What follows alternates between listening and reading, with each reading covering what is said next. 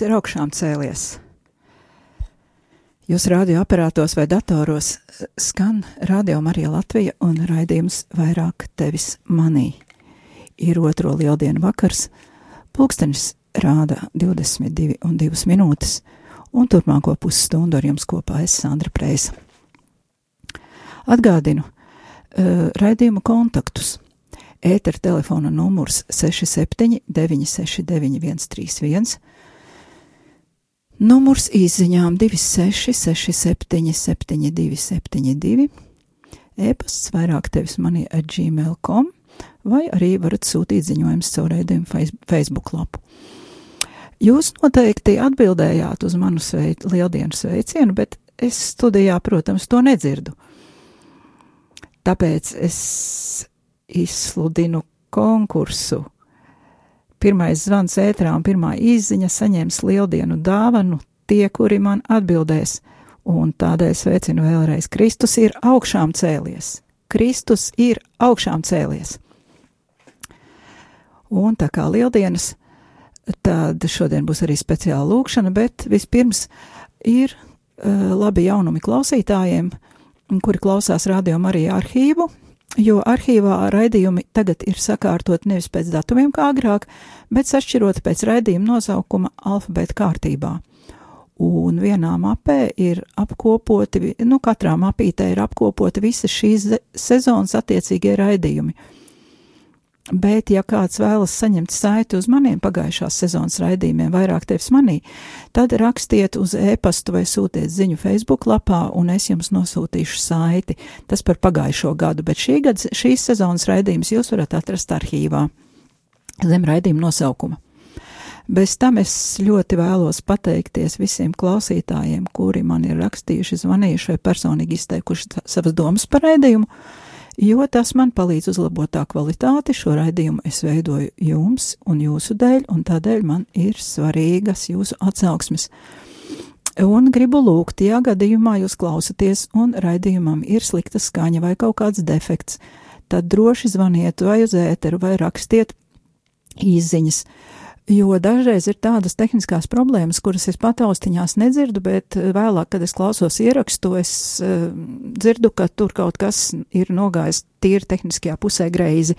Tādēļ, ja jūs kaut ko dzirdat tādu, tad lūdzu brīdiniet mani, dodiet kādu ziņu. Un tā tad vēl atgādinu, eh, ka Kristus ir augšām cēlies, un pirmais zvans ēterā un pirmā īsziņa saņems lieldienu dāvanu. Bet tagad lūksimies. Lieldienu oktāvas laikā parasti lūdzamies lūkšanu debesu karaliene. Visa baznīca to lūdza šajā liturģiskajā laikā, un lūksim visos mūsu pašu un rādījuma arī atbalstītāju nodomos, un lūksimies arī par svētā Dominika sekotājiem Baltijā un Francijas provincē, Dieva tēva un dēla un svētā gara vārdā Āmen. Debes karaliene līksmojies, aleluja! Tas, ko tu kā bērnu nesi, aleluja!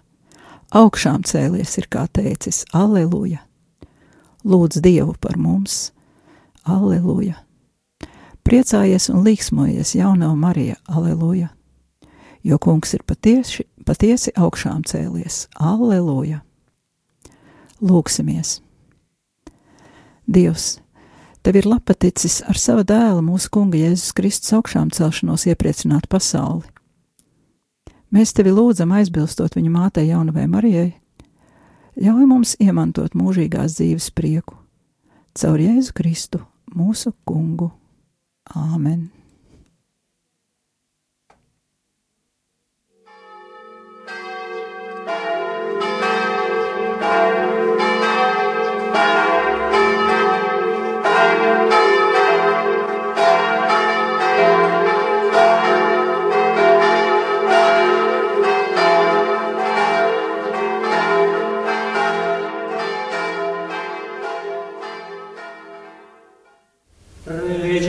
Krishna.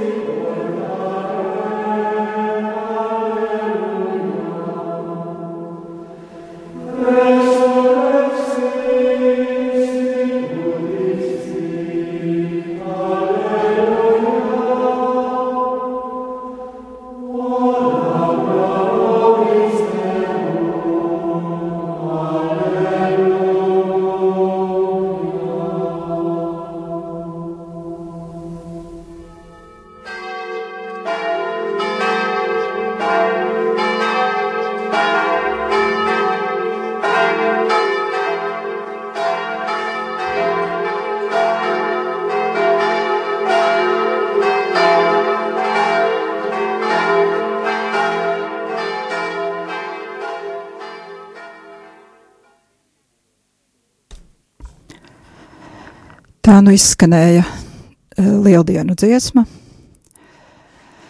Un turpinam mūsu raidījumu. Atgādinu, ka skan Radio Marija Latvija raidījums vairāk ties manī un studijā Sandra Prēsa. Tie, kur skatās raidījumu lapu Facebookā, jau zina, ka šīs dienas tēma būs cilvēks. Cilvēks ar lielo burtu. Un tagad e, neliels lasījums no Jāņa evaņģēlija, no 19. nodaļas 5. pāns. Tad Jēzus iznāca ārā ērkšķu ainagā un purpura apmetnī, un Pilāts viņam saka: Redziet, kāds cilvēks! Šeit grieķu valodā ir dotropos, jeb burtiski lasot ido o antropos. Šeit ir lietots otrās personas viens skaitlis, pavēles izteiksme un aorista laiks tā saucamais. Ja vienkārši runājot, šis laiks izsaka vai nu darbību, kuru pašlaik notiek, vai arī darbību, kuru regulāri atkārtojas, vai arī apraksta kaut ko tādu parastu un pašsaprotamu, kas vienkārši nu, vienkārši notiek, un, un nevienam nav jautājumu par to. Mēs varam jautāt, eh, kāpēc Pilārs izrunāja tieši šos vārdus, taču svētie raksti stāsta, ka viņš skaidri zināja, ka Jēzus ir nevainīgs un nodots aiz skaudības. Varam salīdzināt evaņģēliju Lūkas 23, 23. nodaļa 13 līdz 15, Jāņa evaņģēlijas 19. nodaļa 6 līdz 12, Marks 15. nodaļa 10. pāns un Matejas 27. nodaļa 18, 24. Tāpat Pilāts bija redzējis, ar kādu pacietību Jēzus panes nepelnīto sodu un ciešanas, nezaudējot sev cilvēcisko cieņu. Varbūt atslēgas vārdi ir tajā, ko Pilāts uzrakstīja kā apsūdzību uz Jēzus krusta.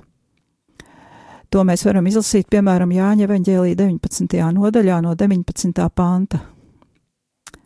Bet Pilārs lika taisīt uzrakstu un piestiprināt to pie krusta, un tur bija rakstīts: Jēzus nācerietis, jūdu ķēniņš.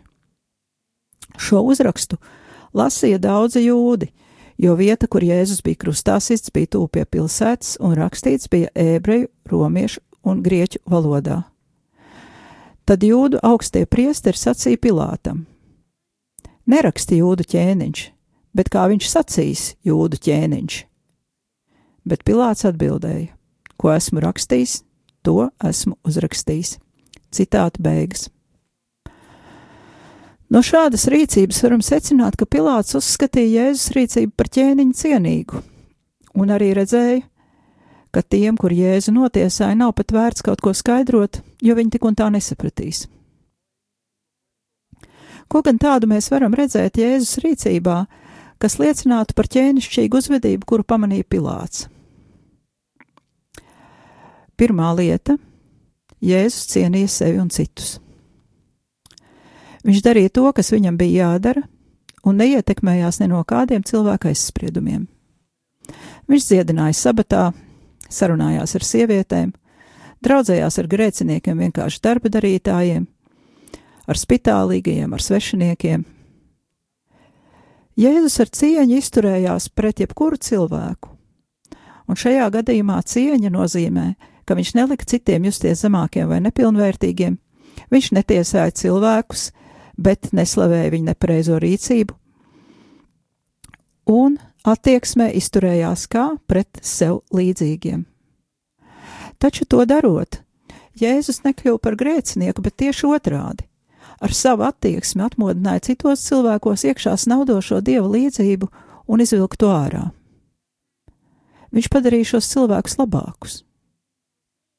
Grēcinieki atgriezās, aklie redzēja, klibie staigāja. Viņš darīja cilvēkus līdzīgākus sev, tātad līdzīgākus reizē dievam un cilvēkam.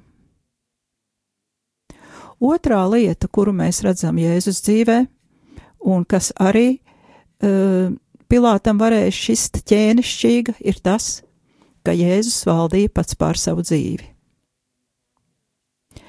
Lasām Mateja evaņģēlī 27. nodaļa no 11. līdz 14. pantam. Bet Jēzus veda zemes pārvaldnieku priekšā, un pārvaldnieks viņam jautāja, vai tu esi jūda ķēniņš? Bet Jēzus uz viņu sacīja: Tu to saki. Un kad augstie priesteri un vecie viņu apsūdzēja, viņš neatbildēja nenieka. Tad Pilārs saka viņam: Vai tu nedzirdi, cik smagi tie liecina pret tevi? un viņš tiem neatbildēja neviena paša vārda tā, ka pārvaldnieks ļoti brīnījās. Citāta beigas. Un turpinām no Jāņa evaņģēlīja 19. nodaļa, sākot no 8. panta. Kad Pilārs šos vārdus dzirdēja, viņš vēl vairāk nobijās. Viņš iegāja atkal savā pilī un saka Jēzum: No kurienes tu esi? Bet Jēzus viņam nedeva nekādu atbildi. Tad Pilārs viņam sacīja: Vai tu ar mani nerunā? Vai tu nezini, ka man ir vara tevi atlaist un vara tevi sist krustā? Jēzus atbildēja: Tev nebūtu nekādas varas pār mani, ja tā tev nebūtu dota no augšienes. Tāpēc tam, kas man tev nodevis, ir lielāks grēks. Citāta beigas. Mēs redzam, ka Jēzus neatbild Pilātam, Raksti saka, ka pārvaldnieks ļoti brīnījās. Taču viņš pats arī neko nepaskaidroja jūdu priesteriem, kad nosauc jūdu par ķēniņu. Jēzus klusēja tāpēc, ka klausītāji tik un tā nebūtu sapratuši, ko viņš saka, jo viņi nemeklēja patiesību. Par to runā cits Bībeles fragments - Jāņa, nodaļa, Jāņa evaņģēlijas 18. nodaļa, 19. pāns. Un uz priekšu. Pa to laiku augstais priesteris vaicāja Jēzum par viņa mācekļiem un par viņa mācību. Jēzus viņam atbildēja: Es pilnīgi atklāti esmu runājis pasaules priekšā. Es pastāvīgi esmu mācījis sinagogā un templī, kur sanāk visi jūdi, un neko neesmu runājis slepeni. Ko tu man jautā? Jautā tiem, kas dzirdējuši, ko es uz tiem esmu runājis, tie zina, ko es esmu teicis. Kad viņš to bija teicis, Viens no sulēņiem, kas tur stāvēja, Jēzum iesit vaigā sacīdams: Vai tā tu atbild augstiem priesterim? Jēzus viņam atbildēja: Ja es nepareizi esmu runājis, tad pierāda, ka tas bija nepareizi. Bet, ja es esmu runājis pareizi, tad par ko tu mani sit? Citāta beigas. Šajā epizodē redzam, ka Jēzus nesit pretī un Jēzus negriež arī otru vaigli, Bet liek sitējiem domāt. Tomēr atbildes no sitēja puses nav, jo domāt nav izdevīgi. Vai varbūt vienkārši nav ieraduma domāt? Taču atšķirībā no jūdiem un augstiem priesteriem, Pilārs meklē patiesību. To mēs lasām Jāņa evaņģēlija 18. nodaļas beigās, no 33. panta. Tad Pilārs atkal iegāja savā pilī, iesauca Jēzu iekšā un sacīja viņam: Vai tu esi jūda ķēniņš? Jēzus atbildēja: Vai tu to saki no sevis, ja vai citi tev par mani stāstījuši? Pilārs atbildēja: Vai tad es esmu jūds? Tava tauta un tavi augstie priesteri mani te, tevi ir nodevuši. Ko tu esi viņiem darījis? Jēzus atbildēja: Mana valstība nav no šīs pasaules. Ja mana valstība būtu no šīs pasaules, mani sulāņi cīnītos par to, lai es nekristu jūdu rokās. Bet nu mana valstība nav no šejienes. Tad Pilārs viņam sacīja: Tad tu tomēr esi ķēniņš. Jēzus atbildēja: Tu pareizi saki, es esmu ķēniņš. Tāpēc es esmu dzimis un pasaulē nācis, lai apliecinātu patiesību Ik viens, kas ir no patiesības, dzird manu balsi. Pilārs viņam saka: Kas ir patiesība? Un to pajautājis, viņš atkal izgāja ārā pie jūdiem un viņiem saka: Es nekādas vainas pie viņa neatrodu. Bet jums ir paradums, ka es jums paskā vienu atlaižu. Vai jūs gribat, ka es jums atlaižu jūdu ķēniņu? Citāta beigas. Šajos citātos mēs redzam, ka Pilārs spītīgi visu laiku sauc Jēzu par jūdu ķēniņu. Viņš kaut ko ir sapratis. Arī tāpēc, ka pats līdzīgā situācijā, vismaz teorētiski, varētu rīkoties līdzīgi. Tā kā rīkojas Jēzus, spēj vienīgi tādi cilvēki, kuri ir apveltīti ar milzīgu dvēseles dišciltību, mūsdienās teiktu, dvēseles aristokrāti varoņi. Pilārs visdrīzāk bija saņēmis labu audzināšanu, un tīri teorētiski viņš Jēzu saprata un nojauta, ka Jēzus patiešām varētu būt ķēniņš. Bet tad ir loģisks jautājums. Kāpēc gan viņš Jēzu nesargā? Kāpēc viņš Jēzu neatbrīvo, ja viņš redz, ka Jēzus ir nevainīgs? Un atbilde ir ļoti prozaiska un piezemēta tāpēc, ka baidās zaudēt amatu. Līdzīgā veidā pirms tam Hērods nogalināja Jānu Kristītāju. Aiz bailēm, ko ļaudis padomās, viņi abi notiesāja un nogalināja nevainīgos. Tā notiek arī ar mums, tā notiek ar jebkuru cilvēku visos laikos. Pamatā lielāko tiesu mēs zinām, kā būtu taisnīgi bet ir tik grūti palikt patiesībā, kad runā izdevīgums vai bailes. Savukārt jūdi nogalināja Jēzu aiz skaudības. Mateja evaņģēlijas 27, 18. Pilārs zināja, ka tie to bija nodevušais skaudības. Citāta beigas. Par ko tad viņi apskaudž šo nabagu, kuram nebija kur galvu nolikt? Šie cilvēki labi saprata, ka tauta gan respektēja jūda priesteris un skolotājs, taču Jēzu viņu mīlēja. Es speciāli lietoju vārdu respektēju, jo par īstu cieņu tad diez vai var runāt. Cieņa nav savienojama ar verdziskumu, bailēm vai pazemojumiem. Īsta cieņa ir apusēja un ietver sevī patiesības mīlestību. Priesteriem bija vieglāk nogalināt Jēzu, nekā mainīt savu dzīvi un uzskatus.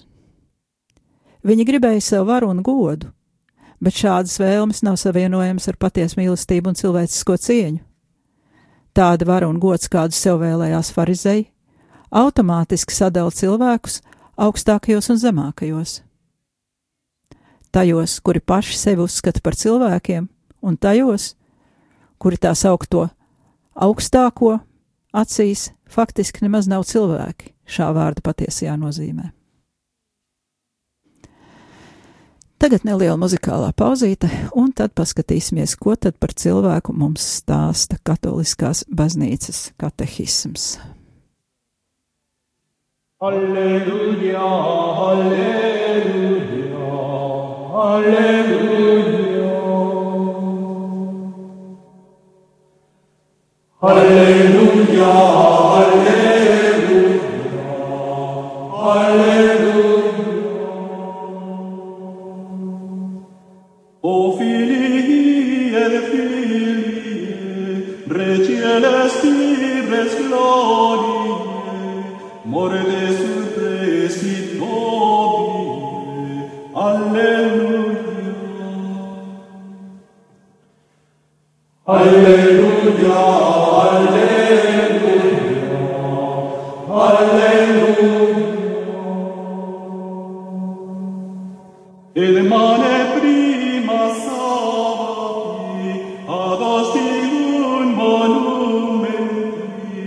aceste discipuli. Alleluia! Alleluia!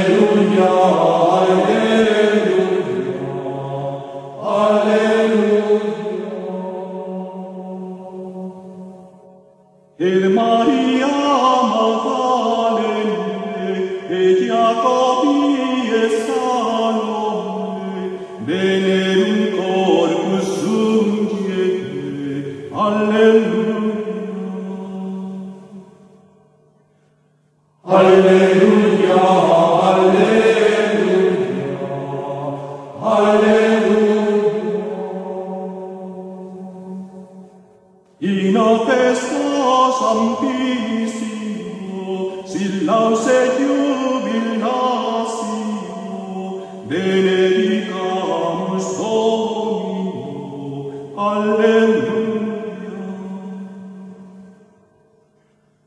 Alleluia.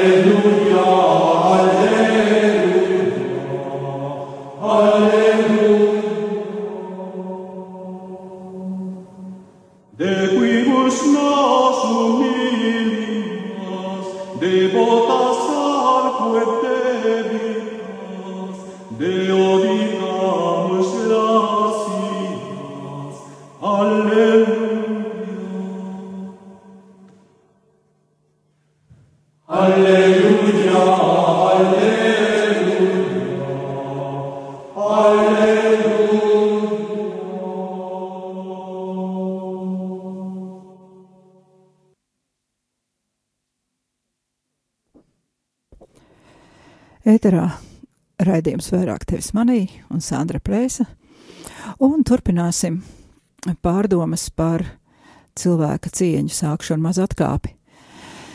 Kāpēc šī cilvēka un cieņas tēma ir tik svarīga?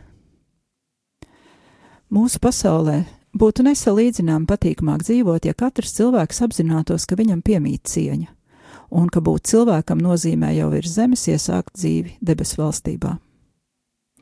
Jēzus evaņģēlijos vairāk kārt atgādina, ka Dieva valstība ir mūsu vidū.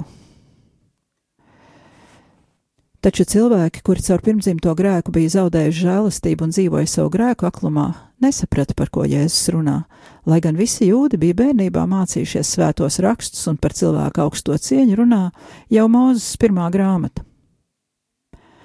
Bet kas tad īsti ir ar to cieņu? Gluži vienkārši karaļa bērniem, prinčiem jau ģimenē iemāca, ka karaļa bērni nevārtās dubļos kopā ar cūkām. Bet, ja kāda iemesla dēļ karaļa bērns ir uzaudzis ārpus ģimenes, nepieskatīts un neaudzināts, viņš var arī dzīvot kā cūka un justies labi.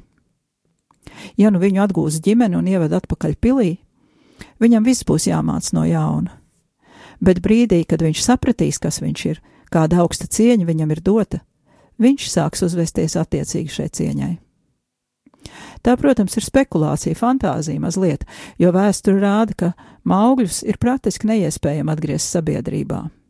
Taču garīgā nozīmē dievam nekas nav neiespējams, jo viņš ir mūs radījis no mīlestības un mīlestībai.